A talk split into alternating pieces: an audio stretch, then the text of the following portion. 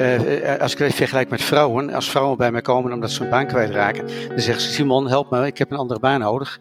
En Ja. eh, dan gaan ze door. En mannen die hebben eerst ehm, die hebben een stukje rouwverwerking nodig, omdat ze eerst Vrouwen niet? Minder. Dit is de podcast Hoe doe jij dat nou? Waarin ik, Nathan Vos, met een man praat over zijn relaties. Eh, mannen die hebben, ehm, die hebben eerder de neiging om eh, naar het resultaat te kijken, naar de oplossing. Hè? Dus die gaan eigenlijk staan niet zo stil bij van joh, wat, wat, wat, wat, wat vind je er nou van en wat, wat doe je er nou mee? Maar meer zo van oké, dat eh, we kunnen niet linksom. Nou weet je, eh, ik heb een manier, ga- doe rechtsom. En dat gelijk aanbieden, zeg maar. Simon is sinds zeven jaar loopbaancoach. En dat is niet toevallig nadat hij zelf op een doodspoor was beland in zijn werk. Waar hij, zoals hij vertelt, over zich heen liet lopen. Hij geeft onder meer APK-keuringen, waarbij hij met een man of een vrouw diens mentale gesteldheid onderzoekt, als ware het een auto. Simon vertelt waar het vandaan komt, dat over zich heen laten lopen, wat deels een ongewilde erfenis is van zijn christelijke en beschermende opvoeding. En wat hij zich hier afvraagt, hoe ga je nou als volwassen zoon op een ontspannen manier met je vader om? Simon, wat wil jij in het hier en nu over jezelf vertellen? Ik ben een man van 52 jaar. Ik ben eh, getrouwd met mijn vrouw Margreet, 30 jaar inmiddels. Jeetje. En eh, ja, ik durf ook wel zeggen, gelukkig getrouwd. Ik heb eh, vier kinderen in de leeftijd van 29 tot 19. Waarvan de oudste twee inmiddels al een tijdje uit huis zijn. Ik heb een zoon van 25, dat is de, de ene oudste, die is inmiddels getrouwd. En mijn dochter van 29, die hoopt dit jaar, of eigenlijk in 2021, eh, te trouwen. Eh, geen kleinkinderen. Ehm, ik, eh, eh, Ehm, ja, ik, wa- wat, wat wil je precies van me weten? Ik, ik voel mij, ik, ik, ik, ben, ik, ben een man en ik, ik hou mij ook in het, in het dagelijks leven en hou ik mij bezig met, met, met, met mannen. Ik vind het een interessant onderwerp, maar ook omdat ik mijzelf erin herken. Ik heb de afgelopen eh, periode dingen meegemaakt die, eh, nou ja, zeg maar, waar je als man op een bepaalde manier mee omgaat. Eh, en ik vind het interessant om daarover ook eh, vanuit eh, eh, eh, nou ja, diverse aspecten van hoe ga je daar als man mee om, om daar eh, zeg maar niet alleen zelf mee om te gaan, maar ook om daar eh, eh, in te herkennen hoe anderen daarmee omgaan. Mhm. en, en, en in welke zin ga jij om, eh, eh, ben je bezig met mannen? Wat doe jij? Ik ben eh, coach. Ja? Eh, ik ben eh, eigenlijk, mijn core business is eh, loopbaancoaching, loopbaanbegeleiding. Loopbaancoaching, ja? Ja, dus ik begeleid mensen in zijn algemeenheid van werk naar werk, in de meest brede zin van het woord.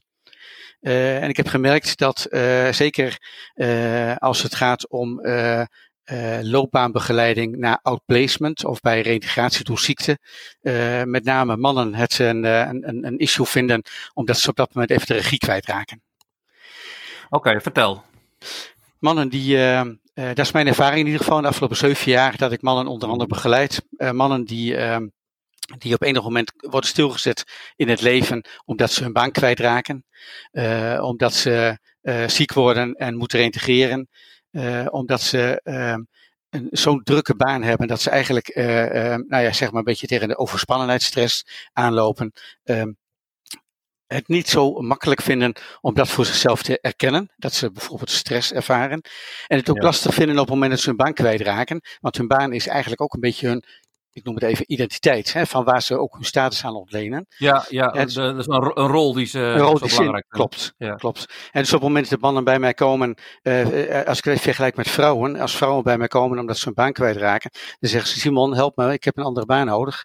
En Ja. eh, dan gaan ze door. En mannen die hebben eerst, ehm, die hebben een stukje rouwverwerking nodig. Omdat ze eerst Vrouwen niet? Minder. Vrouwen ook wel, maar minder. Omdat eh, vrouwen op een of andere manier, als ze al eh, het gevoel hebben van ik, eh, ik heb behoefte om er even iets mee te doen, om er even over te praten, dan hebben ze vaak wel iemand in hun directe omgeving of een vriendin waar ze dat al even hebben gedeeld. En mannen blijven daar rondlopen. En op een gegeven moment is het natuurlijk iets, dan komt er een Blijven daar rondlopen als hun, bedoel je, die delen dat niet? Hun, hun, hun werkstress bijvoorbeeld? Ja, die houden dat bij zich. Ze zeggen van Ja. ik heb geen probleem en anders los ik het zelf op. En op het moment dat ze dan bij mij komen, eigenlijk voor de, de, de, de technische kant van ik moet uiteindelijk iets anders vinden.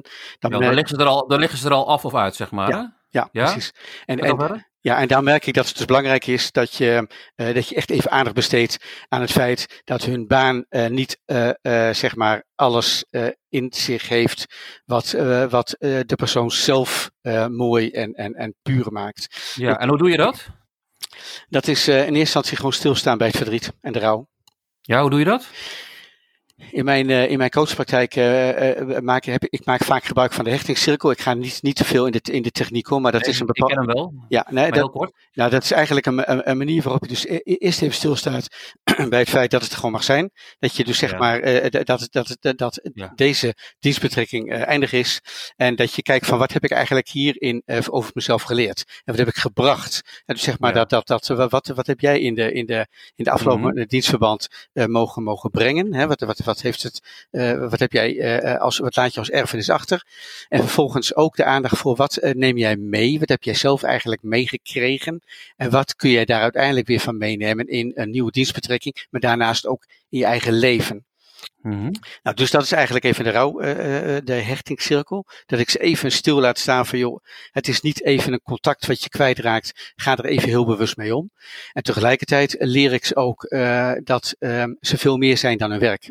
En van het valt mij op eh, dat de, de wie ben ik vraag, Ja. die, die wordt vaak overschaduwd door eh, wat kan ik en wat doe ik. Hè? Als je op een feestje komt, dan is niet zozeer de vraag van wie ben jij, hè, maar wat doe Nee. jij? En, en, en, en dat, dat, Dat is, wel- is ook wel een ingewikkelde vraag. Wie ben jij? dat is een ingewikkelde vraag, zeker op een feestje. Snap Ja, ik. Bij, bij, jou, bij jou hopelijk minder ingewikkeld? Ja, bij mij is die vraag essentieel. Want wat komt er dan uit? Neem, neem ons eens even mee. in Zo'n, eh, maak het wat anekdotischer. Wat, wat, wat, wat, als, jij, als jij dit zo. Dus een man komt binnen, die, die ligt eraf of ligt eruit. eh, zit in de stress. eh, heeft nog niet goed afscheid genomen van zijn vorige baan. eh, heeft daar iets aan vastgehouden. En dan ga je, hem, eh, dan ga je bij hem, met hem stilstaan, hè? Ja. Bij die rouw. Mhm. En, eh, en ga je dan op. En hoe kom, hoe kom je erachter wie, wie hij is? Ehm, dat doe ik eigenlijk in de rouw, eh, eh, is eigenlijk vooral de aandacht voor het moment zelf, voor het hier en nu. Hè, van het, Ja. het, het mag er gewoon zijn en je kijkt wel even terug op, je, op, op, op wat is geweest. Maar de, de wie ben ik vraag, dat, zit eigenlijk, dat is eigenlijk een vraag naar het verlangen. Van, van, als jij nou naar jezelf kijkt, wie zou jij dan willen zijn en wie ben jij nu Ja. al, wat heb je geleerd? En daar, eh, ik maak vaak gebruik bijvoorbeeld van inspiratievragen. Ik vind Zonneveld, vind ik daar een hele, dat is echt zo'n zo'n zo'n passiecoach. En die heeft daar hele fijne vragenlijstjes over. En dan stel ik bijvoorbeeld de vraag van, joh, stel nou dat alles mogelijk is. Hè? Van de situatie is nu dat jij ontslagen wordt. Maar stel nou dat alles mogelijk is. Welke droom zou je dan uiteindelijk hier achter de horizon zien liggen? En uiteindelijk als je over dat soort vragen gaat nadenken, over, over verlangens, over passie, over dromen. Dan komt daar vanzelf die wie ben ik vraag naar voren. En want, want Ja. in, in, eh, in het verlengde van die vraag eh, stel ik bijvoorbeeld van, joh, waar word jij nou echt heel erg eh, blij van? Wat zijn nou dus Ja, de ik, ik, ik, ik heb dat zelf gedaan. Ik heb toevallig vorig jaar een loopbaancoaching gedaan. En dat begon inderdaad met vragen: waar kom je nou, waar kan ik nou je bed, eh, Precies. eh, eh, kom je nou je bed vooruit? En dat heeft mij uiteindelijk wel weer ergens gebracht. hey, maar even, even ik vergat iets. We hadden het net over het stilstaan en het rouwen. Ja. Wat, wat, wat gebeurt er dan bij zo'n man? Komt er dan verdriet omhoog, of boosheid, of, of, of iets heel anders, als je dat zo vraagt? Ehm, dat ligt er een beetje aan. Mhm. Het is, het is soms inderdaad boosheid. Ja. Ehm, van, van ze zien me niet staan, eh, ze, ze veren Ja. mij af. Ik ben eh, tien jaar loyaal geweest en zie nou eens even wat ze mij maken. Ik kan gewoon gaan. Eh, dus, dus dat is een stuk boosheid. Die moet Nou, ge- en wat vraag jij dan te vervolgens? Wat geef je dan terug? Of, of helemaal niks? Eh, nou, op de- eh, kijk, op, in zo'n fase, zeker in het begin, want het is echt even de eerste stap die je gaat nemen met zo iemand, dat is even het adresseren. Eh, gaat het er niet om dat je heel veel teruggeeft. Het is vaak ook gewoon even, laat het maar even gebeuren. Laat, la- laat iemand maar even leeglopen. Welke emotie dat ook is. De een die is boos, de ander is verdrietig, weer eentje die trekt zich allemaal terug. En die weet het gewoon even niet meer. Die is alleen maar Nee. onzeker over van ja, maar ik, eh, ik heb drie kinderen eh, waarvan er één studeert. Maar Ja. jij geeft ze eigenlijk de tijd en de ruimte om, om dat allemaal even te, door- te doorvoelen. Ja, ik geef ze tijd en ruimte en ik bied ze dat perspectief. En het perspectief dat is onder andere in die hechtingscirkel van wat heb je, wat krijg je mee, zeg maar, uit de ervaring die je hebt opgedaan bij deze werkgever.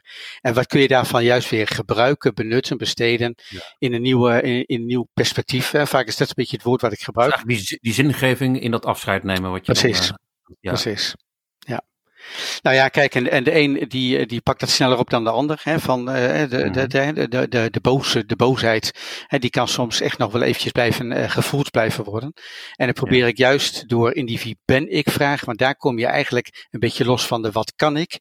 En van, want dat is toch een beetje referentiekader van ja, wat kan ik, wat heb ik eigenlijk altijd gedaan. Mooi dat je dat zegt trouwens, want ik zat dus heel erg vorig jaar, toen moest ik van mezelf weg. Ik van mezelf gelukkig. En ik zat nog heel erg in de wat kan ik allemaal. Dus ik ging ook solliciteren op banen, want ik denk ja, dit kan ja, ik. Ja, precies. En elke keer als ik dat deed, dacht ik, ja, wil ik dit eigenlijk wel? Ja, maar kan het wel? Ik vond een soort van verplicht om dat te doen. Ja. Nou ja, dan wordt het natuurlijk helemaal niks, want dan ben je ook niet enthousiast. Totdat inderdaad iemand anders mij moest vertellen uh, van nee, ga nou eens eerst eens even naar je waardes kijken. Inderdaad, naar wat jij dan de wie ben ik fase noemt. Ja, ja.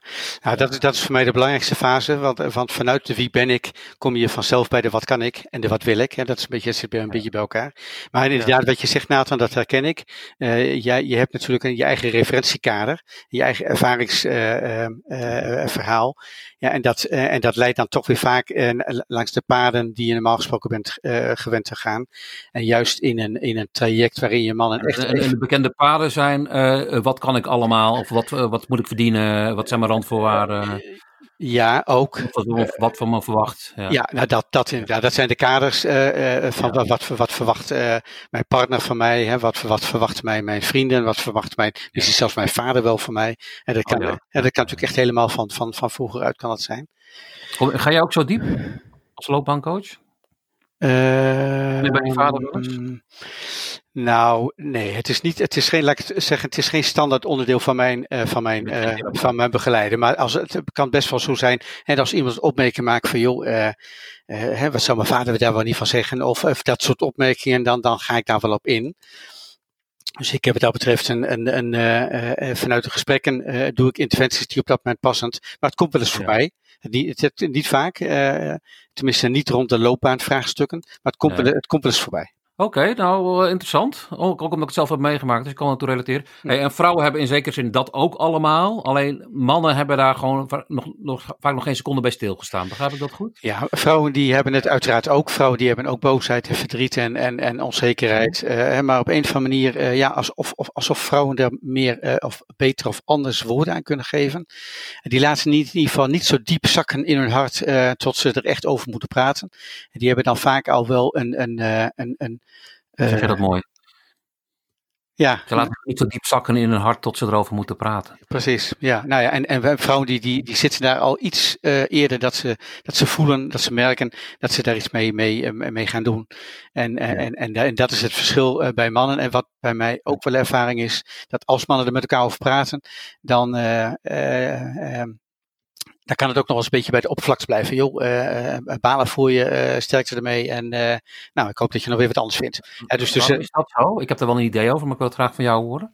Ja, ik denk dat, dat mannen het sowieso lastig vinden om op dat, ik noemde het inderdaad het aftalen, op dat niveau echt, echt te kunnen aftalen om dat gesprek aan te gaan. Of je hebt, misschien dat je goede vriendschap hebt.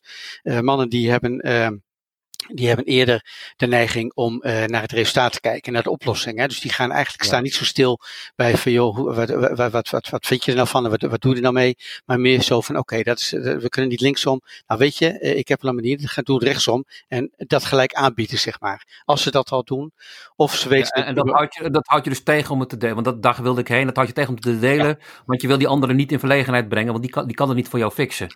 Precies.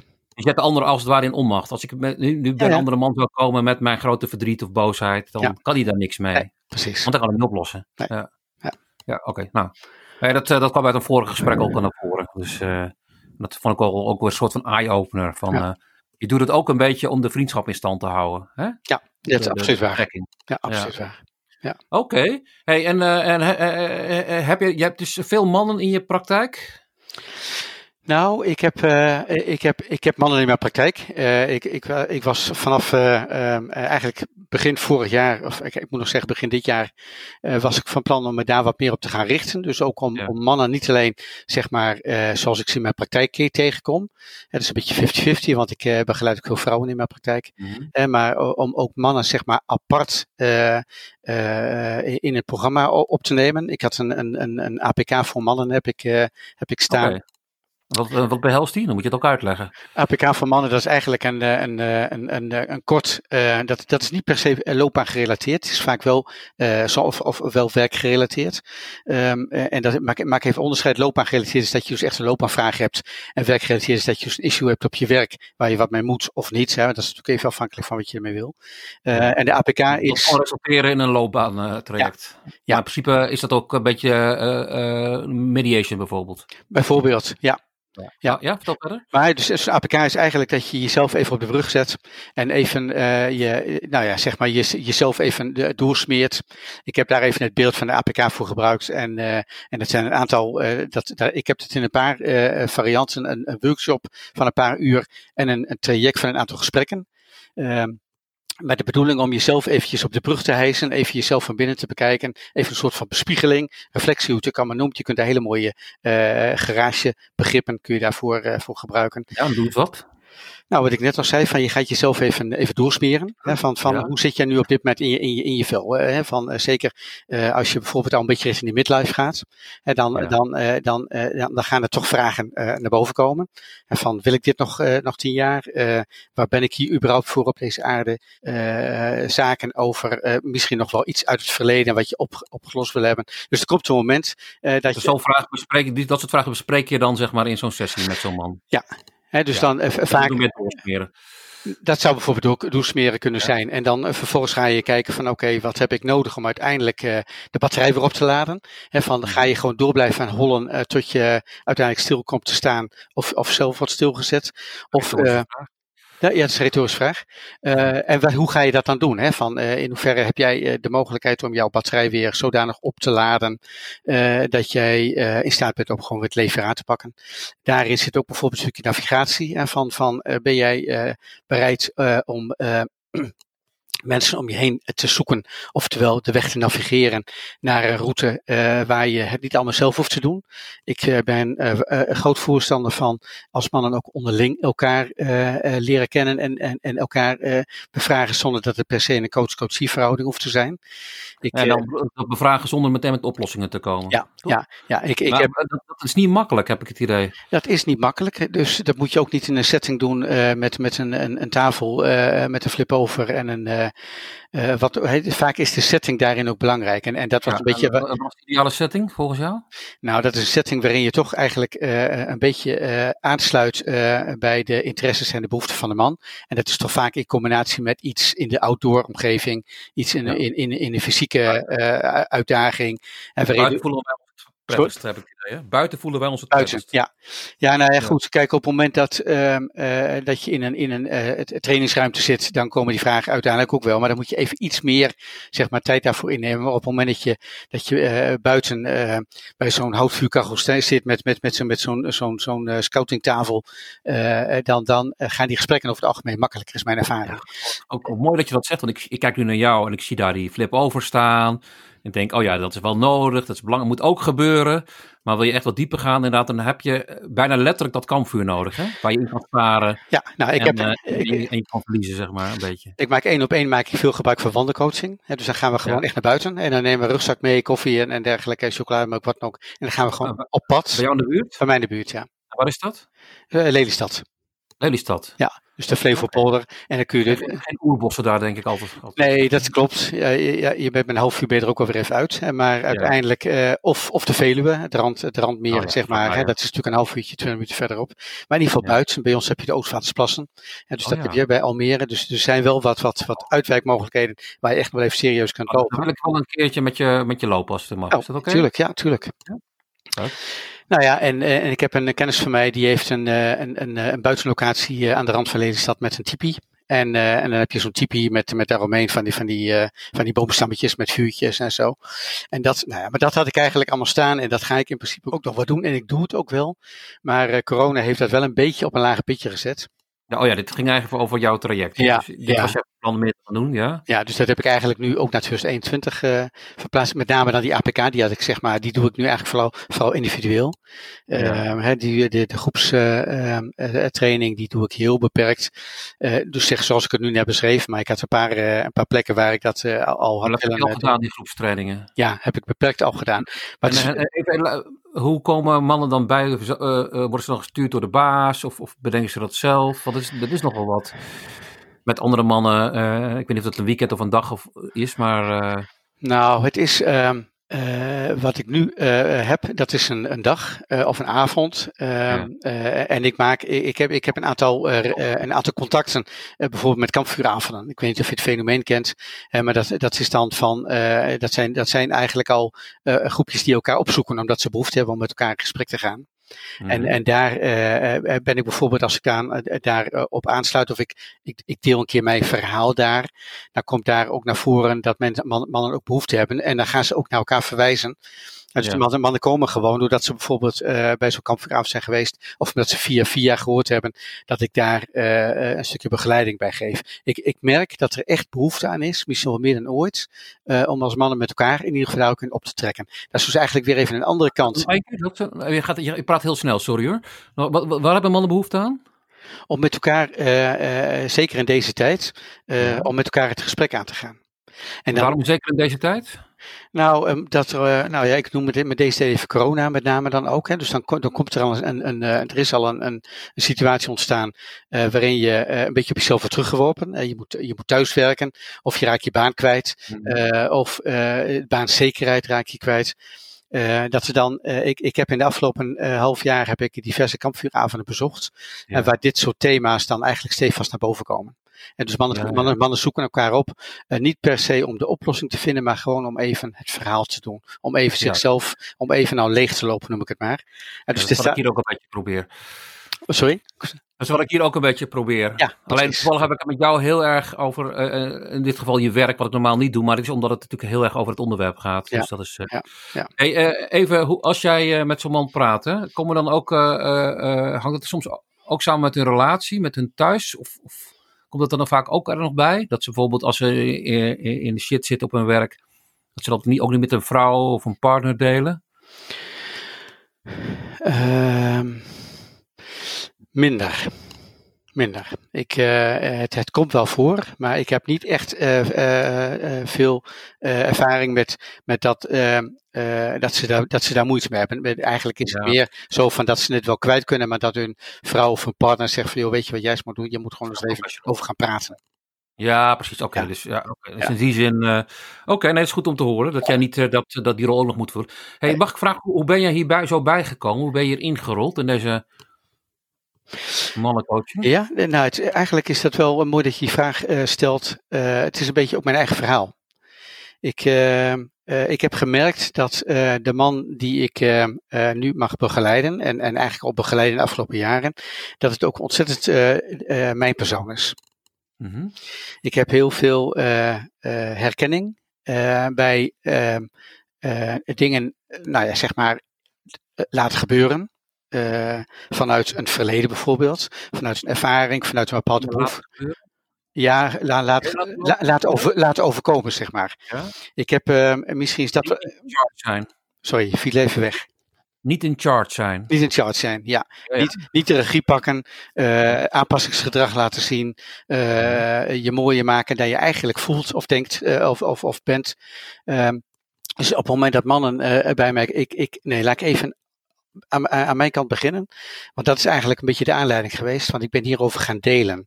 Ik heb in de afgelopen tien jaar heb ik uh, een, een, zelf een, een, persoonlijk proces doorgemaakt. Waarin ik mijzelf uh, uh, op meerdere manieren tegenkwam. Maar ook in relatie tot wie ik geworden ben van huis uit. En dat heeft uiteindelijk. Dat kwam bij mij in een soort van. van ehm, ja, moet ik zeggen, climax. Toen ik ongeveer tien jaar geleden mijn baan kwijtraakte. Daarvoor, daarvoor was ik, uh, uh, werkte ik bij een, bij een werkgever waar ik heel erg volgzaam was, heel erg loyaal. En waar anderen eigenlijk zeiden van weet je wat jij moet doen, jij moet dat doen. En ik ging het vervolgens doen zonder erover na te denken van joh, maar is dit ook iets wat ik zelf wil? En het gevoel dat je eigenlijk 110% je best doet om vooral uh, het de ander naar de zin te maken. En vervolgens kom je in de economische crisis en dan word je afgeserveerd. Uh, dus dat, dat, vloog eruit. Sorry? Jij, jij werd ontslagen. Ik werd ontslagen. En uh, kwam in een persoonlijke crisis terecht. Ja, toen, uh, toen merkte ik heel erg van uh, het gevoel uitgerangeerd te raken. Ik was uh, kostwinner mijn hele leven geweest voor mijn gezin, opgroeiende kinderen. Begin 40 was je? Ik was begin 40. En ehm, eh, ik, ik kwam thuis te zitten. Mhm. En eh, ik probeerde, ik zat al in een transitie, want ik wilde al wat anders. Eh, eh, dus ik wilde ook niet meer solliciteren op de, wat ik eigenlijk altijd gedaan had. Eh, Mhm. maar in, de nieuwe, in, in het nieuwe vak, dat was een beetje richting HR, richting coaching al. En daar was ik, maar, ik was maar daar aan het opleiden, kon ik gewoon nog niet aan, nog niet aan de bak komen, omdat ik daar veel, veel te weinig ervaring had. En toen besloot ik voor mezelf te beginnen. En eh, toen ben ik eh, zelfstandig ondernemer geworden midden in de crisis, 2013 was dat. En eh, toen heb ik eh, geprobeerd om eh, het aan alle kanten voor elkaar te maken, voor elkaar te boksen, het vooral allemaal zelf te doen. En ik liep continu tegen mezelf aan. Op het moment dat met, met, met het bedoel je die, die business? ja, de onderneming tot een succes te maken. Ik heb Ja. besloten om, om, om mensen, man, vrouw, zeg maar, te begeleiden rond loopbaanvraagstukken. Maar daar was ik maar eigenlijk een beetje in het, in het, in, in het, in het, had je wat papiertjes voor gehaald ook. Ja. Ja? En, eh, en, eh, maar eh, op het moment dat, dat mensen aan mij vroegen van, joh, lukt het een beetje? Heb je hulp nodig? Gaat het wel? Dan zei ik van, joh, nee, het gaat prima, het lukt me wel. En, maar s'nachts lag ik ervan wakker. En dus ik, ik heb heel erg gemerkt van, joh, hey, wat is dat nou? Hè? Waar, waarom vind ik het zo moeilijk om hulp te accepteren? En, en waarom vind Ja, ik het... jij, jij- die anderen wilde helpen eigenlijk, ja? deed dat zelf niet. Nee, nee ik, ik, ik, ik wilde het zelf gewoon oplossen. Ik dacht van het is mijn probleem en ik, eh, ik, ik, ik moet dit toch ook zelf kunnen oplossen. En er was ook heel erg, dat was de andere kant van de medaille, lijkt een beetje paradoxaal. Eh, maar doordat ik eh, eh, eigenlijk gewend was om heel erg volgzaam te zijn. En dat is eigenlijk al iets van huis uit wat ik, eh, wat ik heb mee, mee ja, gekregen. eh, vond ik het soms ook lastig om eh, dan eh, mijn, eh, de route uit te stippelen. Eh, dus ik had ook wel weer mensen nodig. En dus enerzijds zat ik in een, ik zat in, in een soort van eh, eh, innerlijk conflict. En aan de ene kant dacht ik van, joh, ik moet het allemaal zelf kunnen oplossen. En aan de andere Ja. kant dacht ik van, help, ik lukt het, lukt niet. Ehm, eh, kom mij te hulp, zeg maar. Nee, wat is er toen gebeurd? Wat, wat heb je gedaan? Nou, uiteindelijk eh, heeft dit eh, een, een, een, eh, de eerste paar jaar van mijn onderneming was, nou, dat was gewoon heel erg dramatisch, want het was gewoon ontzettend moeilijk om zeg maar opdrachten te krijgen. Hè, van Ja. mijn, mijn, mijn, ik noem het even valse bescheidenheid, die hielp ook niet mee om vervolgens mijzelf even een beetje te verkopen en te, pre- te presenteren. En vanuit de gedachte van doe maar normaal, dat doe je gek genoeg. Ja, je was echt verliefd voor om een, om een ondernemer te zijn. Ik liep daar behoorlijk tegen mezelf aan. En, en, eh, en, dus, de- dus, en en die eerste jaren ben ik dus heel erg eh, aan het, eh, ik noem het even worstelen, dat is niet per se een mannenwoord, maar toch bezig geweest om, om mezelf overeind te houden en het uiteindelijk zelf te redden.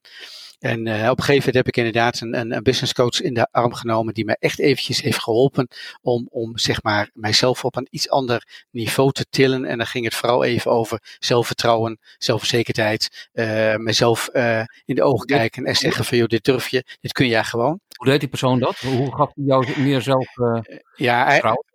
Eigenlijk was het gewoon eh, af en toe maar even scherp toespreken en mijn schop onder de kont geven en zeggen van joh, je moet het gewoon doen. Ja, want je zit nu gewoon in, in, in rondjes eh, te draaien omdat je het niet durft. Dus het was even een hele scherpe eh, spiegel voorhouden. Je moest het uit dat rondje, dat je uit- Ja, ik moest uit het rondje. klein hield.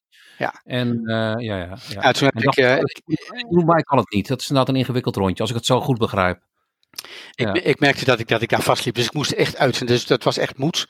Eh, eh, nou, ik, ik heb in, in, eh, rond die tijd heb ik een, een e-book geschreven, Durf als man kwetsbaar te zijn. Die is ook gewoon op mijn, op mijn website is die, zeg maar, te downloaden. En daarin heb ik eigenlijk het proces beschreven van waar ik vandaan kom in relatie tot waar ik gekomen ben en waar ik naartoe ben gegaan. En dat was voor mij eigenlijk een beetje mijn eigen proces daarin.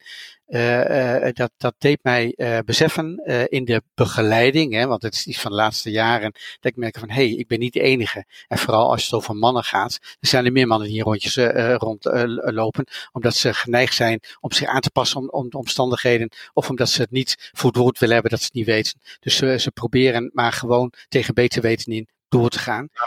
Is dat een rondje zoals jij dat liep? Van ik kan het niet, eh, eh, maar ik moet het wel alleen doen? Zoiets? Ook Of ander soort rondjes? Ja, dit zijn, eh, deze, dit rondje van ik kan het niet, eh, eh, maar ik vind wat ik het zelf alleen moet doen. Maar ook rondjes in de zin dat ze het gewoon eigenlijk even helemaal het perspectief kwijt zijn.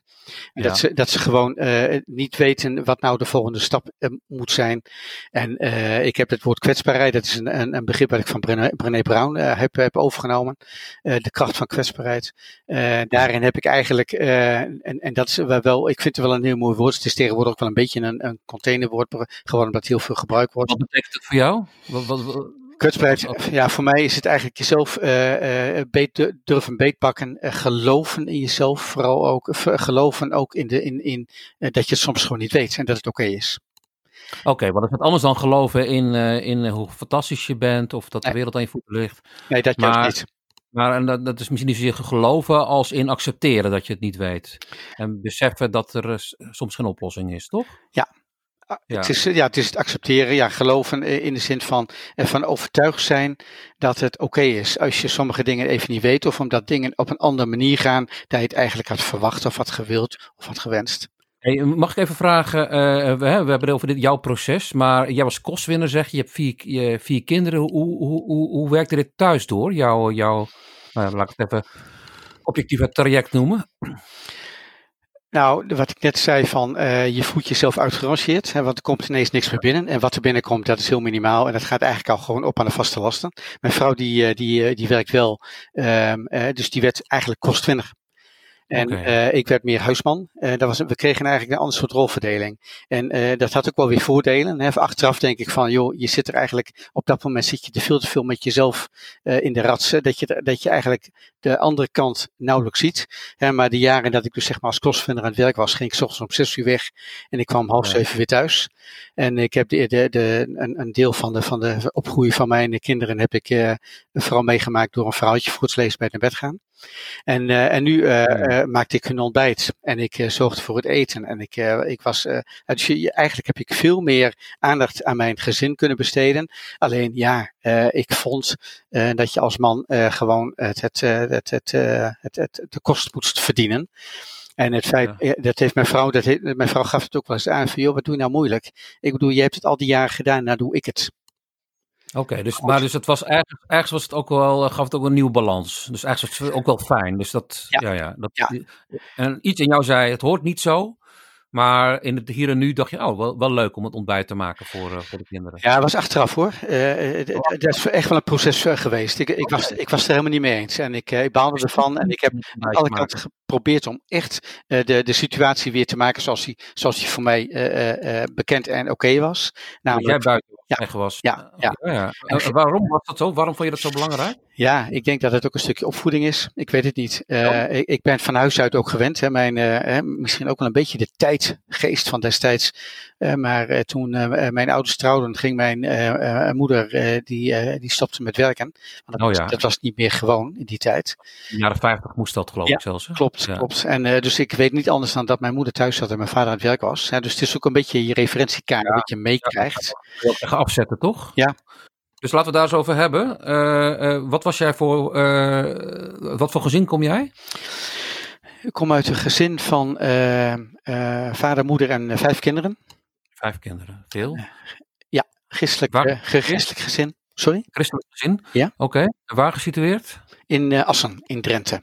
In Assen, in Drenthe. Oké, okay. heel christelijk? Nou ja, heel christelijk uh, wel, wel in de zin van dat wij uh, met, met de paplepel zeg maar het geloof hebben aangereikt uh, gekregen en uh, tweemaal zondags naar de kerk gingen. Dat zijn we overigens nog steeds gewoon. Ehm, maar ook wel vanuit de christelijke... Je gaat nog steeds zondags twee keer naar de kerk? Ja, ja dat is ja. tegenwoordig is het natuurlijk anders ja. Vanwege de online vieringen die we hebben. Maar wel vanuit de christelijke gedachtegoed hè, van zorg voor elkaar, wees, wees dienstbaar, doe, doe goed. dus de, die, die, die oude boodschappen, zeg maar, sta klaar voor een ander, doe je best. het klinkt niet als een hele strenge geloofsbeleving, die woorden die u zegt. Nee, het was, ik heb het ook niet zo ervaren als streng, maar het was wel gewoon een, richt, een richtlijn. En op zich is dat goed, hè, voor de, voor de duidelijkheid. Um, maar vanuit die, ik merk wel vanuit de, de, de, de oude boodschappen van doe je best en, en wees dienstbaar en, en, en, en zorg dat, dat, dat je het, het, het, het voor allen uh, goed, goed uh, doet en, en maakt. En dat, uh, dat merk ik bij mezelf, maar dat merk ik ook in mijn praktijk. Hè, van ik begeleid ook, ook, ook christelijke cliënten, coaches. Ja. En van dat, dat daar, dat, dat soms wel eens in een soort van spanningsveld komt als het gaat om wie je zelf bent. En, en van, wie, je, wie, wie je zelf bent. Hè? Van, van, waarom is het voor christenen anders dan voor niet-christenen? Nou, is niet per se anders. Maar uh, ik heb wel eens het gevoel dat, dat uh, een, een, een christelijke coach die ik uh, heb, dat die um, zichzelf nog wel eens voorbij loopt ten dienste van de ander. Oh zo, die dat iets te letterlijk hebben geïnterpreteerd van zorg voor de ander. En, Precies, vanuit, en, vanuit een christelijk gedachtegoed, hè, van je moet, je moet er voor elkaar zijn, Ja, je moet dienstbaar zijn. En dan denk je van ja, dat is allemaal heel erg waar. En ik ga het ook niet, en want ik ben het er ook mee eens, want ik, het is een identiteit die ik ook onderschrijf. Maar dat gaat niet ten koste van jezelf. En, uh, en, en, en dus dat is eigenlijk vanuit huis uit heb ik dat meegekregen. Van eh, wees dienstbaar, sta voor elkaar klaar. En uh, dus dat is eigenlijk even een, een, een, een uh, nou ja, zeg maar kenmerk van, van, van de jeugd waarin ik ben opgegroeid. En misschien ook wel interessant om te noemen dat ik van het gezin van vijf de middelste was. Ja.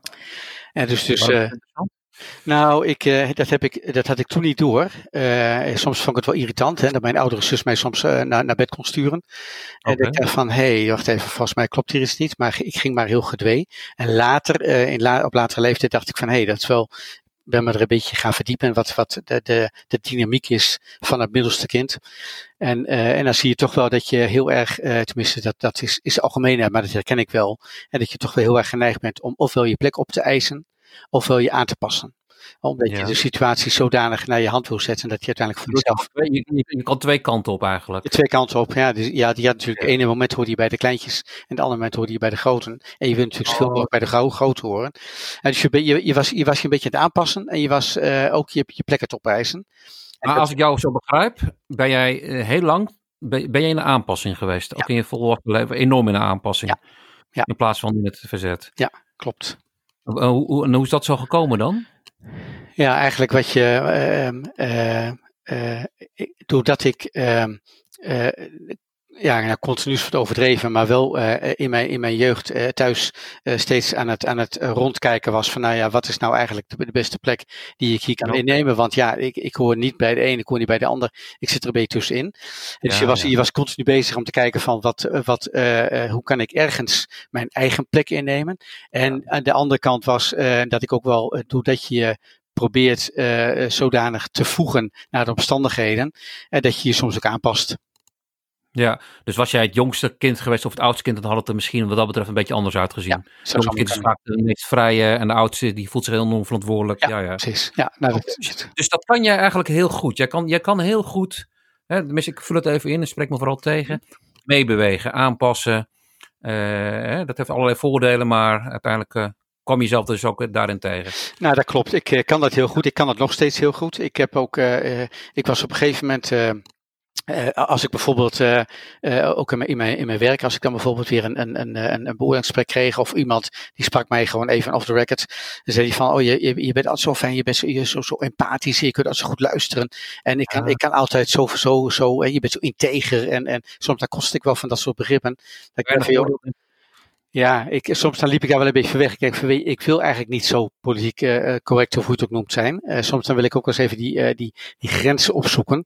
En van, zeg nou maar eens tegen mij, van joh, wat, wat ben jij kritisch of, of wat, wat, wat, wat, wat, stoer dat jij dat, die, dat besluit durft te maken. Want ik heb toch altijd wel weer de neiging... Wat, wat bedoel je nou? Sorry hoor. Ik, wilde je nou zelf soort van uitgedaagd worden? Of wilde je zelf dat bij anderen doen? Nee, zelf uitgedaagd worden. Dus jij wilde, eigenlijk, jij wilde eigenlijk af en toe wel eens gewoon uh, flink stevig erin, of dat iemand tegen jou erin ging. In plaats van dat iedereen jou zo, zo aardig en empathisch vond. Ja, ja, dat zeg ik, ja. ja. Lastig als je dat, dat uh, zo slecht geleerd hebt. Ja, en daar heb ik eigenlijk, tot op de dag van vandaag heb ik daar nog wel last van. Heb je nog last van? En, en in de praktijk, kan je eens een voorbeeld geven? Hoe heb je daar last van? Nou, dat mensen dingen aan me vragen uh, om te doen, omdat ze weten van, joh, dat doet iemand toch wel. En niet per se vanuit de gedachte, dat doet hij toch wel. Hè, want daar kan natuurlijk ook iets berekenends in zitten, want daar ben ik niet alles van overtuigd dat dat zo is. Ik laat het gewoon zelf gebeuren. Hè, dus dus ja. uh, iemand die uh, mij vraagt, ik zeg wel eens ja, dat ik denk van, joh, waarom zeg ik nou ja? Ik heb er, ja, helemaal, ja. Ik heb er helemaal geen zin in. Dat, of, ik, of, ik, ik, zie meteen een buurman voor me die... Ja. Die is van je, die is van je, elke keer van je vraag. En, maar je hebt een gezin met vier kinderen en dat is best druk. Uh, hoe werkt dat thuis? Hoe, hoe, hoe ben jij vader en, en, en partner? En hoe werkt, dan, hoe, hoe, hoe werkt dit dan door? Zeg maar jouw, jouw meegaandheid? Nou, ik, ik merk uh, um, uh, in, nu ze ouder worden, ze zijn allemaal volwassen, de jongste 19, dat ik daar een, een, een, een wat ja, soepele manier mee, uh, van heb aangeleerd om mee om te gaan. Een meer gelijkwaardige manier. Ook gewoon zeggen uh, wat ik wel wil en niet wil. en, en, de ruimte daar ook bieden, ook bij naar mijn kinderen toe. Je meer dan vroeger? aangeven wat je wel en niet wil. Ja. Ik, Moesten ze daaraan wennen? toen ze, sorry? Moesten ze daaraan wennen? Ehm, nee, het is volgens mij een heel eh, organisch proces geweest. Ik was in het begin, eh, eh, toen ze kleiner waren, was ik op een of andere manier ja, veel meer ja, streng, ik weet niet of het goede woord was, maar wel veel meer die grenzen aangeven van joh, zo gaan we dat doen. Ik vond het ook best wel lastig om ehm, daarin, als, ik, als er iets fout was gegaan, om daar dan... ehm, eh, om dat dan toe te geven, zeg maar. Zeker toen ze wat jonger waren. Ik dacht van, daar hebben we het niet over. Ehm, als, ik, als ik bijvoorbeeld iets gedaan had, dat ik dacht van, oh, dat was achteraf niet goed. Dan vond ik het lastig om daar iets van te vinden. Omdat ik mezelf daarin weer tegenkwam, in mijn kwetsbaarheid. Maar dat is, ge- naarmate ze ouder worden en puber werden, en, of tiener werden en puber werden, en zeker nu ze volwassen zijn, heb ik een hele goede relatie met al mijn kinderen. En is het ook makkelijk om daarin ook die kwetsbaarheid, en het ook soms gewoon even niet te weten, om, eh, om, daar, eh, om daar mijn rol eh, dan in te pakken. Mag ik, we gaan toch al lekker alle kanten op, maar ik vind het leuk hoor. Mag ik vragen, helpt het geloof je daar ook in? Ja, het geloof helpt mij daarin in de zin van eh, dat je weet dat je er mag zijn, dat je oké bent eh, van wat er ook gebeurt en waar je ook vandaan komt. Ik kan er soms enorm van balen dat ik soms best wel de neiging op bij me aan te passen. Eh, en aan de andere kant denk ik van, weet je, het is zoals het is, het heeft me ook heel veel gebracht. En tegelijkertijd weet ik dat ik ook eh, op het moment dat het, dat het eh, nou ja, een keer anders zou gaan, dat het dan ook zo, dat, dat, dat ik het ook nou ja, dat dat ook voor mij oké is. Hè. Van soms heb ik nog eens een sch- een schuldgevoel of een schaamtegevoel. Dat ik denk van ja, weet je, als ik dan een keer uit de, uit de band eh, of, of uit mijn slof schiet. Dat ik denk van joh, dat past helemaal niet bij mij. Zit ze met grote ogen aan te kijken van joh, ben ik helemaal niet van jou gewend. Dat ik denk van nee, dat ben ik ook niet van mijzelf gewend. Maar oké, het is zo. En, en, en vanuit de gedachte, het geloven ook van eh, eh, je bent geliefd. Ik alleen maar al een mooi, mooi woord. Eh, en ik denk van ja, weet je, met, met alles eh, wat, je, wat soms ook gewoon fout gaat, weet ik van eh, oké, ik ben ook geliefd. Ja, fijn. Dat is een fijn gevoel, kan ik me zo voorstellen. hey, een andere vraag. Ehm, als we het over relaties hebben, of dan met jou en je vrouw, of je kinderen of je vrienden. Welk, wa- wat, wat zegt dan het meest over jou? Dus we hebben het net over die aanpassing gehad. Mhm. Hè, dus dit, eh, misschien dat het daarin zit, maar heb je een soort van anekdote bijvoorbeeld van wat is nou een typische Simon? Ik ben wel iemand die. nou, even een, een, een, ehm, een anekdote. Ik heb ehm, een, tijdje geleden, toen, toen eh, reisde ik in de trein van Amsterdam terug naar huis. Ja. En toen kwam er iemand naast me zitten, iemand, een vrouw die ik niet kende. En eh, nou, even, kort, eh, even heel kort eh, gegroet. En eh, op een gegeven moment raakte ze wat aan de praat. Of ze raakte aan de praat bij mij. En, en ze vertelde mij iets over wat haar bezig hield. En nou, ik sloot daarop aan. Dan kan ik heel makkelijk aansluiting maken. Ik ging luisteren, ik ging teruggeven. Ik zat er niet als coach, ik zat er gewoon even als forens onderweg. Eh, en zij eh, eh, was tot en met het moment dat ze uitstapte, was aan het vertellen en aan het vertellen en aan het vertellen. En ik was aan het teruggeven en aan het reageren. En op een gegeven moment zegt ze van, oh, dat vind ik wel heel bijzonder. want Ik ken u eigenlijk helemaal niet, maar ik heb het nog nooit aan iemand verteld. Oh, wauw. Dat. Eh, dat. En dat heb ik, en, eh, onlangs heb ik dat ook gehad met een kennis van mij, eh, die heeft een, psychische ziekte, waar, da- da- daar weet ik overigens wel van, maar die raakt, raakt even in een, in, een, nou ja, zeg maar een, een, een, setting bij een verjaardag, raakt even aan de, aan de praat. En toen vertelde ze mij iets ehm, waar ze dus tegenaan liep, in, in, in de ziekte waar ze tegenaan liep. Eh, toen, toen zeg ik van, joh, maar heb je dat ook met je, met je, eh, weet je partner dit? Ik neem aan dat je het ook met hem gedeeld hebt. Zeg van, nou, om eerlijk te zijn, jij bent de eerste aan wie ik het nu vertel. Ja. Dat, ja, wat is dat? Ik roep het niet, ik roep het niet op me af, eh, maar ik heb eh, de, het vermogen om eh, mij te verbinden met de ander eh, en daarin zo eh, veilig en vertrouwd te zijn. Eh, eh, dat, dat helpt mij natuurlijk ook in mijn coachvak. Ja, maar eh, dit zijn juist de, de, de, aspecten waarin ik die coachpet niet op heb, maar gewoon mezelf ben. En andere manier, dat sluit dus kennelijk heel goed aan bij de ander. Als het gaat om even, even je verhaal kwijt. En er hoeft verder ook niks mee te doen. Maar het was op dat moment even oké dat het gewoon even geponeerd werd. Ja, ik zie jou nu voor het eerst vandaag natuurlijk en we kijken elkaar zo aan. En dan denk ik van, oh ja, ik zie, ik zie, ik zie milde ogen zonder oordeel. Eh, en eh, ja, daar, daar, daar, daar durf je wel wat kwijt, denk ik. In plaats van dat je meteen, eh, zoals in mijn geval, felle ogen terugkrijgt of scherpe vragen. verwacht ik dan. Ik kan me dat wel voorstellen. En ik, volgens mij als coach weet ik zelf het instrument. Tenminste, zo wordt het mij dan aangeleerd. Ja, uh, los van dat je het niet de facto bent in de trein van Amsterdam naar Lelystad zit je er natuurlijk wel eigenlijk als Simon. Uh, uh, en dat, dat, dat zet je ook niet af, denk ik. Hè? Ja, tenzij het nodig is, misschien in de opvoeding of in een conflict. Ja, maar... ja, ja, natuurlijk. En, en, en, dan, en dan kan het ook wel. Maar dat, dat pure, dat authentieke, dat, dat zit er gewoon in mij. En dat zoek ik dus niet op. Maar dat, en dat vind ik wel een mooie eigenschap. En waar dus mensen dan ook wel makkelijk zeg maar onderweg. Ik noem het vaak ook gewoon, we gaan samen onderweg.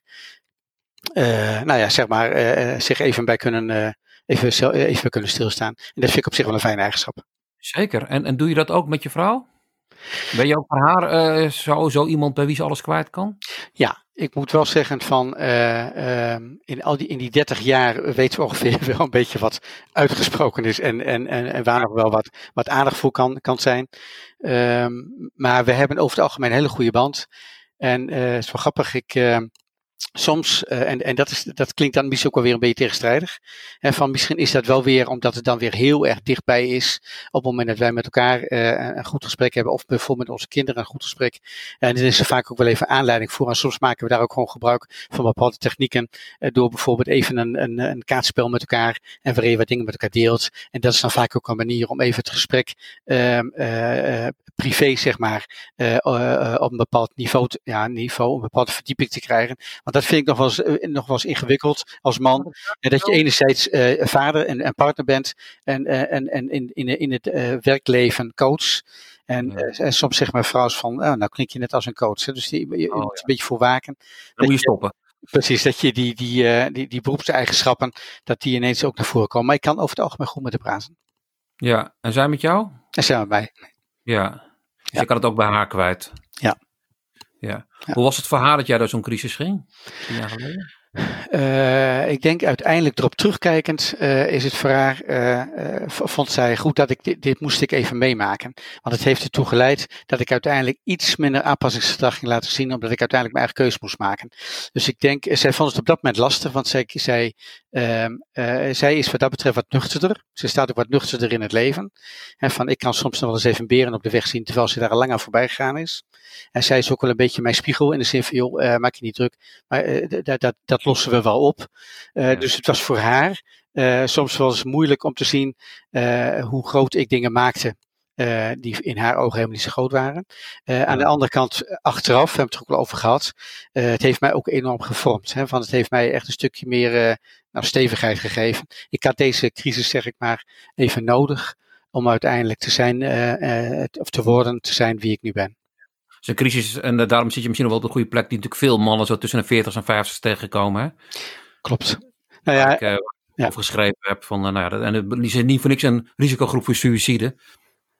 nou ja, en dat boek wat jij geschreven hebt en het boek wat, wat, wat, Tim Overdiek geschreven heeft, en, en zo zijn er meer boeken in het afgelopen jaar geschreven over, nou ja, man zijn, over rouw. en ging jouw boek dan ook over met jou of jouw broer.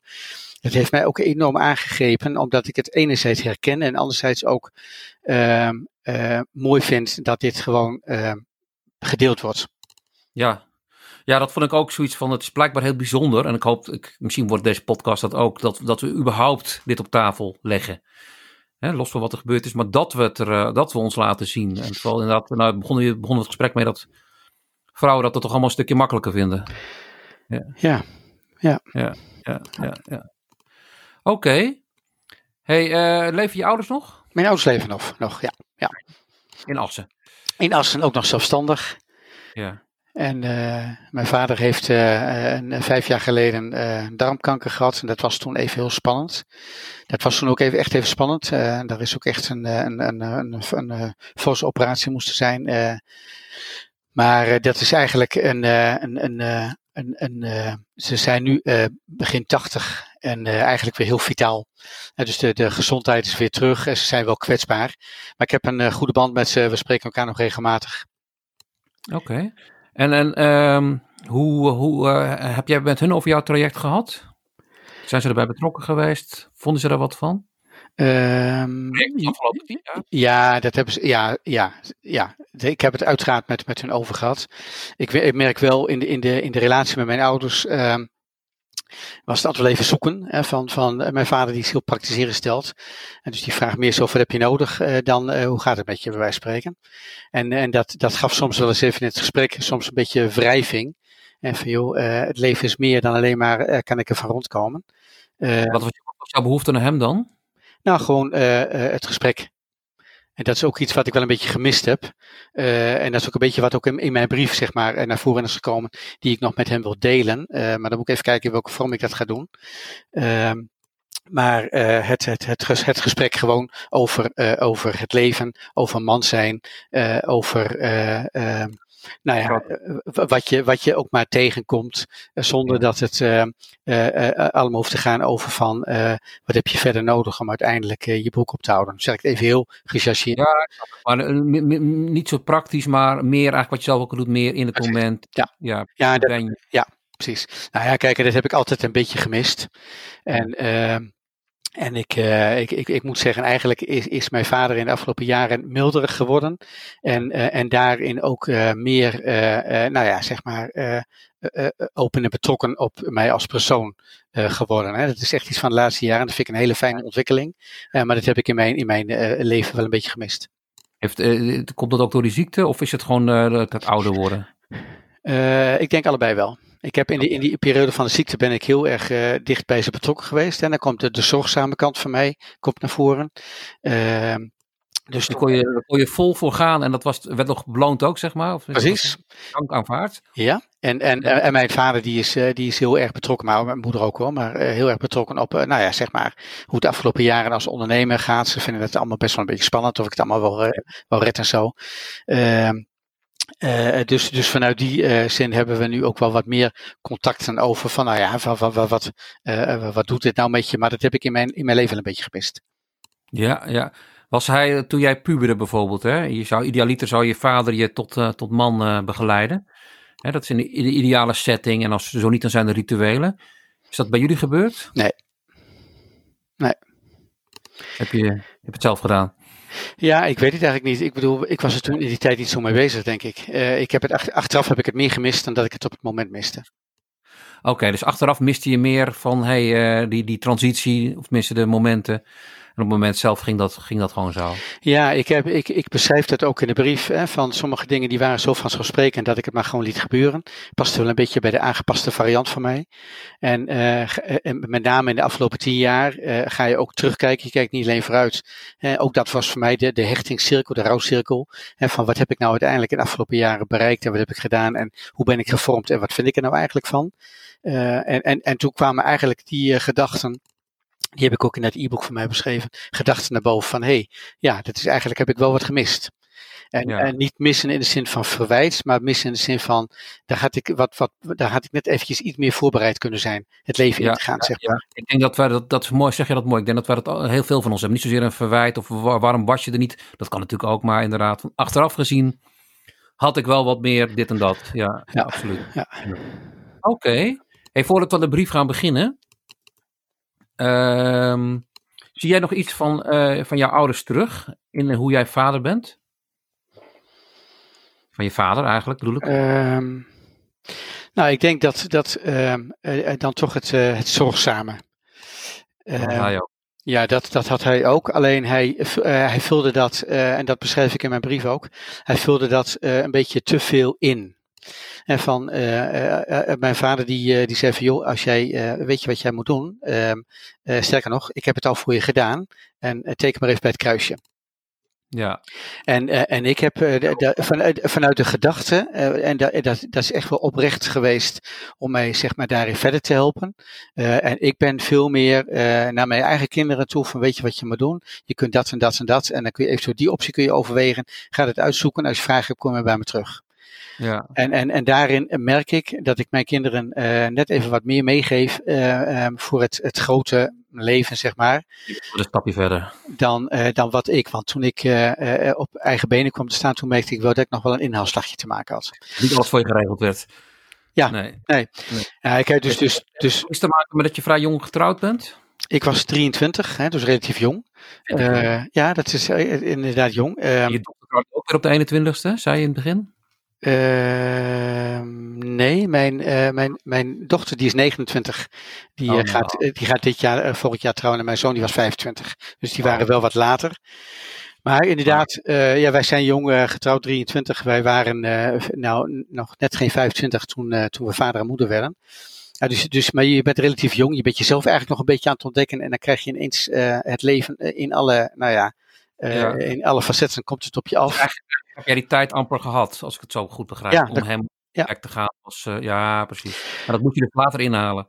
Ja, en dat heb ik ook wel gedaan. eh, Maar dat, heeft, dat is wel met vallen opstaan gegaan. En, en, en eh, vandaar, eh, dat is allemaal terugkijkend. En, eh, eh, maar eh, ja, als ik, als ik het op, op onderdelen anders had eh, eh, eh, of over zou, eh, zou kunnen doen, dan had ik op die onderdelen iets meer eh, volwassenheid willen meekrijgen. Ja. Ja, ja, snap ik.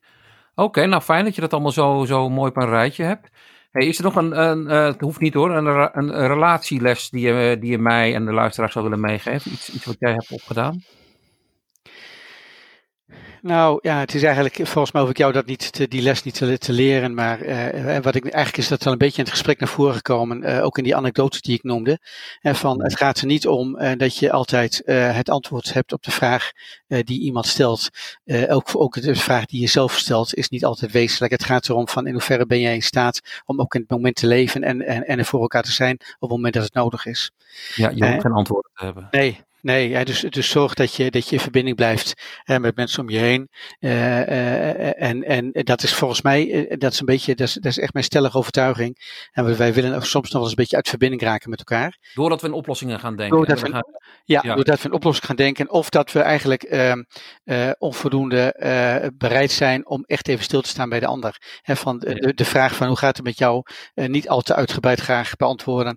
Eh, Nee, nee. Want in wezenlijk eh, eh, interesseert me geen, geen eh, nou ja, hoe het met je gaat. Maar ik wil hem uit beleefdheid even, even toch even gesteld hebben. En ja, dat is, en eh, alsjeblieft geen ingewikkeld antwoord. precies, precies. Dan raak je mij in mijn eh, ondermacht. Ja. Ja, en wat moet ik, misschien moet ik daar dan wel wat mee. En daar heb ik helemaal geen zin in. Dus dat even gechargeerd. Hè, maar gewoon dat, dat je in het moment er gewoon mag zijn. Ook al heb je niet de oplossing.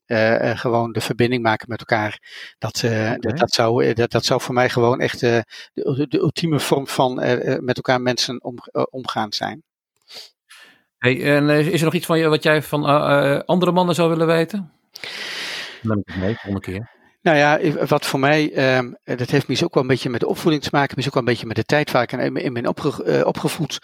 Maar ehm, mijn vader, eh, in de relatie met mijn vader, mijn vader was altijd mijn vader. Ik spreek hem ook nog steeds in de U-vorm aan. En er is altijd een stukje autoriteit geweest. Hè. Mijn vader had, was ook een autoriteit. Eh, dat beschrijf ik ook in de brief. Hè, van daar keek je ook echt wel tegenop. En daar moest je ook wel een beetje, nou ja, even tussen aanhalingstekens voor oppassen, zeg maar. Van, van ehm, het was wel eh, duidelijk dat, dat hij de vader was en wij de kinderen. Maar ondertussen, ik ben 52, mijn vader is vier- eh, 84 nu. En dus je hebt in feite alle recht van spreken om gewoon eh, in een gelijkwaardige relatie te staan. En dat ben ik ook, even voor de goede orde. Mijn vader die vraagt het ook van mij. Alleen omdat het nooit echt heel expliciet uitgesproken is, is het soms best nog wel eens lastig om eh, enerzijds eh, je volwassen gelijkwaardige relatie ten opzichte van je vader te zien. En anderzijds de behoefte aan de waardering en de erkenning en de autoriteit die hij ook is. En daar is zeg maar een, een middenweg te vinden. En soms, als het spannend is, dan, eh, dan trek ik mij een beetje terug.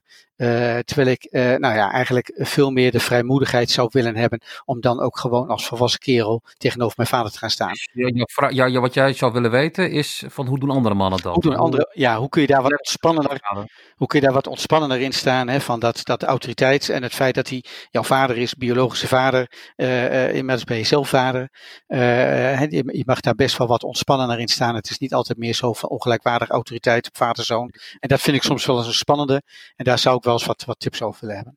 Ja, nou, ik geef hem door, dankjewel. En ik moet meteen confronteren het mij weer dat ik al heel lang geen vader meer heb. Dat ik dat, ik dat dus nooit zal, eh, van die stoel zal kunnen onderzoeken. Nou, tegelijkertijd ben ik heel benieuwd hoe mijn zoon, is nu 16, eh, dat aangaat, als hij het aangaat. Ja. hey, dankjewel, Simon. Graag gedaan. Laten we overgaan naar, eh, naar, naar het voorlezen van je brief. Van je vader. Lieve papa, ik schrijf u deze brief omdat ik merk dat er in mijn leven een aantal zaken zijn geweest die ik ingewikkeld vond. Ingewikkeld in relatie tot mijzelf en daarmee ook in relatie tot de ander. En hoe en waar was dat nu precies ontstaan? Ik zocht antwoorden en merkte dat een deel van die antwoorden waren te herleiden naar vroeger. Het helpt als ik in deze brief even terugkijk op mijn leven, op vroeger. Een leven dat over het algemeen gekenmerkt werkt door veiligheid, liefde en vertrouwen. Laat ik daarmee beginnen. En daar ben ik u en mama erg dankbaar voor. Maar het was ook een leven waarin het ruimte krijgen om te groeien tot een autonome en zelfstandige man niet per se werd gestimuleerd. En dat ontdekte ik pas later in mijn leven. Ik was een man geworden die onzeker was, die vaak niet wist wat te doen en die geneigd was om aanpassingsgedrag te vertonen. Hoe kon een veilige, liefdevolle en vertrouwde omgeving hebben geleid tot het ontstaan van een onzekere man die zo afhankelijk was van de mening van anderen? Waarom was mijn jeugd, mijn rustige jeugd, een voorbode voor gedrag dat werd gekenmerkt door de ander pleasen, door een grote behoefte aan erkenning en waardering, en bovenal door zoveel mogelijk het conflict te mijden? Zelfs op die momenten dat het beter was geweest voor mijzelf op te komen, mijn eigen grenzen aan te geven en de regie zelf in handen te nemen. Deze vraag heeft mij lang bezig gehouden. In deze brief kijk ik terug op mijn leven in de context van wie ik ben geworden. En gelukkig heb ik geleerd om voor mezelf op te komen. Ik ben blij dat ik in staat bleek de regie alsnog te nemen, mijn grenzen aan te geven en mijzelf meer op de voorgrond te plaatsen. En hoewel ik soms terugval in oud gedrag, ben ik mij inmiddels steeds meer bewust van mijn kwetsbare kanten en daarmee in staat om dat om te zetten in daadkracht. Mijn leven heeft een aantal kenmerken en het gezin waarin ik ben opgegroeid eveneens. Als middelste van het gezin van vijf kinderen moest ik mijn positie al vroeg opeisen. Hoorde ik het ene moment bij mijn oudere broer en zus, het andere moment moest ik mijn plek innemen bij mijn jongste broers. Dat leidde soms tot verwarring. Maar het leidde ook tot de motivatie om mij aan te passen aan de omstandigheden. En ik wilde natuurlijk graag bij de groten horen. Ondanks mijn gevoel van veiligheid was thuis niet altijd veilig. Ruzies tussen u en mijn oudste broer, meestal geuit door verbale woordwisselingen, zorgden ervoor dat ik ervoor koos om zo min mogelijk op te vallen. De kiem was daarmee helaas ook gelegd voor een leven van aanpassen aan de ander, om de ander te plezieren, voor please-gedrag. Toen ik ouder werd, nam de verantwoordelijkheid in mijn leven toe. Ik ging nadenken over mijn studiekeuze. Ik kreeg te maken met zakelijke brieven over belastingen en verzekeringen. Maar in plaats van hiervoor het gesprek te leren aangaan, werd deze verantwoordelijkheid door u overgenomen, door alles voor mij te regelen. Brieven voor school, voor baantjes, zelfs voor uitstel van militaire dienst werden door u geschreven en ik hoefde maar te tekenen bij het kruisje. Ik wist niet beter. Maar achteraf heb ik ontdekt dat ik hierdoor niet echt werd voorbereid op een zelfstandig leven. Ongetwijfeld goed bedoeld, maar dit had ook een keerzijde. Ik hoefde niet na te denken over mijn leven en de keuzes die ik moest maken. Dat werd voor mij gedaan. Natuurlijk had ik er tegen in kunnen gaan, maar in feite was ik bang. Bang voor afwijzing als ik mijn eigen beslissingen zou nemen. Want ik had u inmiddels leren kennen als een vader die ook graag wilde dat zijn advies werd opgevolgd, want het was nu eenmaal een goed advies. Eenmaal uit huis kwamen er uiteraard beslissingen die ik wel zelf moest nemen. En dat kon ik moeilijk. Ik was afhankelijk geworden. Veel besluiten in mijn leven werden genomen door anderen. Vooral in mijn werk liepen er diverse vaders rond die meenden te weten wat goed voor me was. Maar in werkelijkheid was het vooral hun eigen voorkeur die daarin meespeelde. En ik, ik speelde mee, omdat ik niet anders was gewend, maar ook omdat ik soms werkelijk niet wist wat anders te doen. Wat ik daarbij vooral heb gemist is het gesprek met mijn vader. Tijd samen. Voor gesprek met mij, over mijzelf, over wie ik ben, over opgroeien, over eigen keuzes maken in het leven.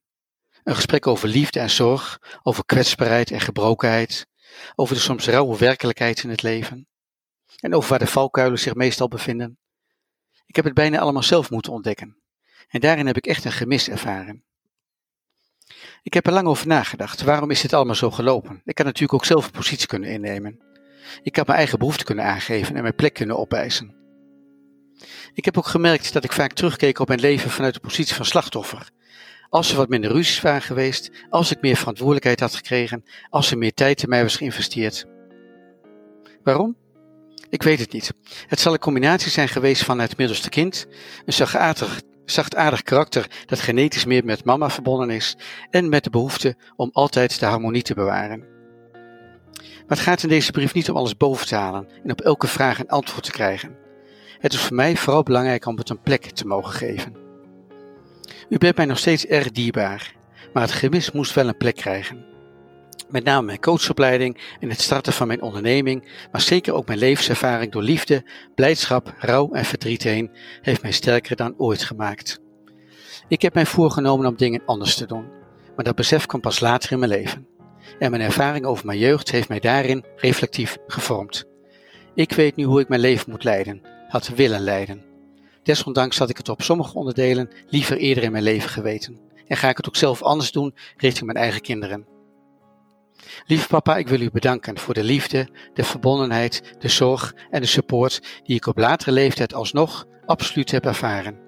Dank ook dat u mij het leven gaf en dat ik de persoon mocht worden die ik nu ben geworden, met een beetje hulp van mezelf en waarover ik eigenlijk best tevreden ben. Liefs, uw zoon Simon.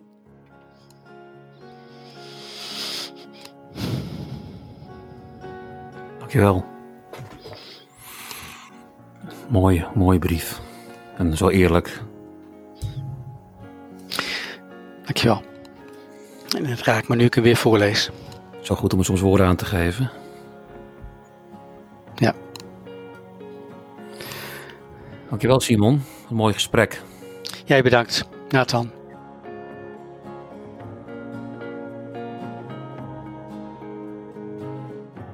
Meer weten, meer denken, meer voelen? manoman.nl Dit was Hoe doe jij dat nou? Waarin we praten met mannen over relaties. Redactie Nathan Vos en David Verschoor.